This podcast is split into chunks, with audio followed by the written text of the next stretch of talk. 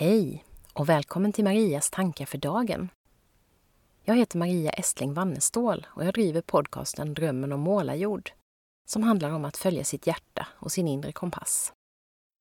Marias tankar för dagen är mina bloggreflektioner i ljudform. För drygt tre år sedan, den 30 september 2018, satte jag mig tillsammans med en vän utanför kommunhuset i Växjö för att sympatistrejka med Greta Thunberg i samband med klimattoppmötet i Katowice. Vi hade inga plakat, så vi skrev klimatstrejk med kulspetspenna på ett A4-blad som vi höll upp lite blygt när någon gick förbi. Det var första gången jag kände mig som en klimataktivist. I takt med att regnet fick bläcket på vårt papper att suddas ut fick vi sällskap av fler. Och några veckor senare var vi flera hundra som samlades vid kommunhuset för ett manifestationståg genom Växjös gator. Vid det laget hade vi plakat, banderoller och till och med en egen kampsång. Det kändes fantastiskt. Den senaste tiden har jag börjat hitta tillbaka till den där känslan för tre år sedan. I lördags lyssnade jag på Climate Lives konsert för klimaträttvisa som sändes från Kungsträdgården. I söndags var vi ett gäng som pilgrimsvandrade för klimatet i skogarna runt Växjö. Som en symbolisk del av den Pilgrims Walk for Future som går mellan Vadstena och Glasgow, där årets klimattoppmöte inleds snart. I måndags samlades vi på Studiefrämjandet för att rita plakat till dagens manifestation. Och varje gång jag deltar i sådana här sammanhang återvänder jag till det som Joanna Macy och Chris Johnstone skriver om. Mitt aktiva hopp. I boken Aktivt hopp, att möta vår tids utmaningar utan att bli galen. Författarna menar att vår kamp för en bättre värld ofta hämmas genom att vi bara orkar kämpa när vi tror att vi kommer att lyckas.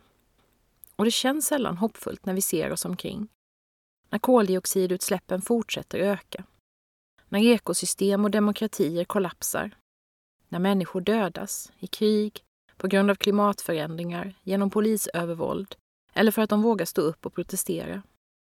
När världen fortsätter vara en orättvis plats att leva på och redan utsatta grupper drabbas allra hårdast av klimatkrisen.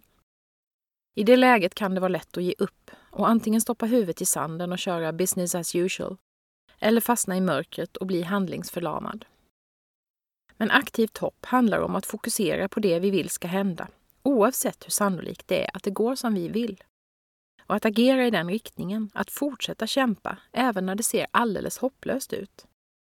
Det är det vi gör när vi samlas här idag, för att uppmärksamma klimatkrisens allvar och de som drabbas värst av konsekvenserna. Det var det vi gjorde i söndags när vi vandrade och sen lämnade vår uppmaning till Svenska kyrkan att visa framfötterna i klimatfrågan. Gå från ord till handling. I allt ifrån förvaltandet av skogsegendomar till att inspirera församlingsmedlemmar till omställning. För det är det vi alla behöver göra nu. Det räcker inte med prat. Vi behöver konkret handling på alla plan.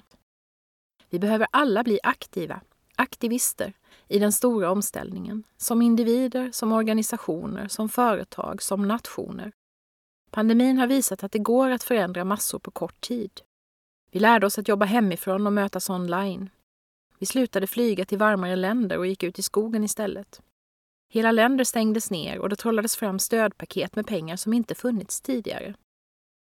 En stor omställning är ingen omöjlighet, vare sig för individer eller nationer. Och aktivister är vi inte bara när vi står på barrikaderna, utan varje gång vi gör något som inte bara handlar om personlig vinning, skriver Macy och Johnstone i sin bok.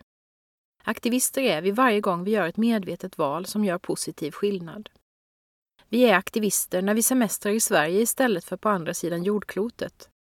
Och när vi avstår från att klicka på gilla-knappen på Facebook när någon lagt upp en bild från ännu en Thailandsresa. När vi går till valurnorna och röstar på partier med höga klimatambitioner när vi väljer mat med medvetenhet om klimatavtryck, inte bara utifrån plånbok, egen hälsa eller personlig smak. När vi lär oss mer om klimatförändringar, biologisk mångfald och orättvisor och när vi sprider den kunskapen till fler. Vi kan alla bidra med små bitar till det stora omställningspusslet. Vi kan alla ta små steg som kan bli stora steg och vi kan hämta kraft och bli starkare när vi går samman. Det blev väldigt tydligt under lördagens konsert för klimaträttvisa som bland annat samlade en stor del av den svenska artisteliten, Fridays for Future, Black Lives Matter och Svenska Samernas ungdomsförbund. Det är otroligt bråttom nu, men det finns fortfarande hopp. Om vi börjar behandla klimatfrågan som den kris den är och om vi alla hjälps åt. Som någon sa, hoppet är en muskel som behöver aktiveras. Vi kan alla bli aktivister och vi kan alla välja aktivt hopp om en grönare och rättvisare värld.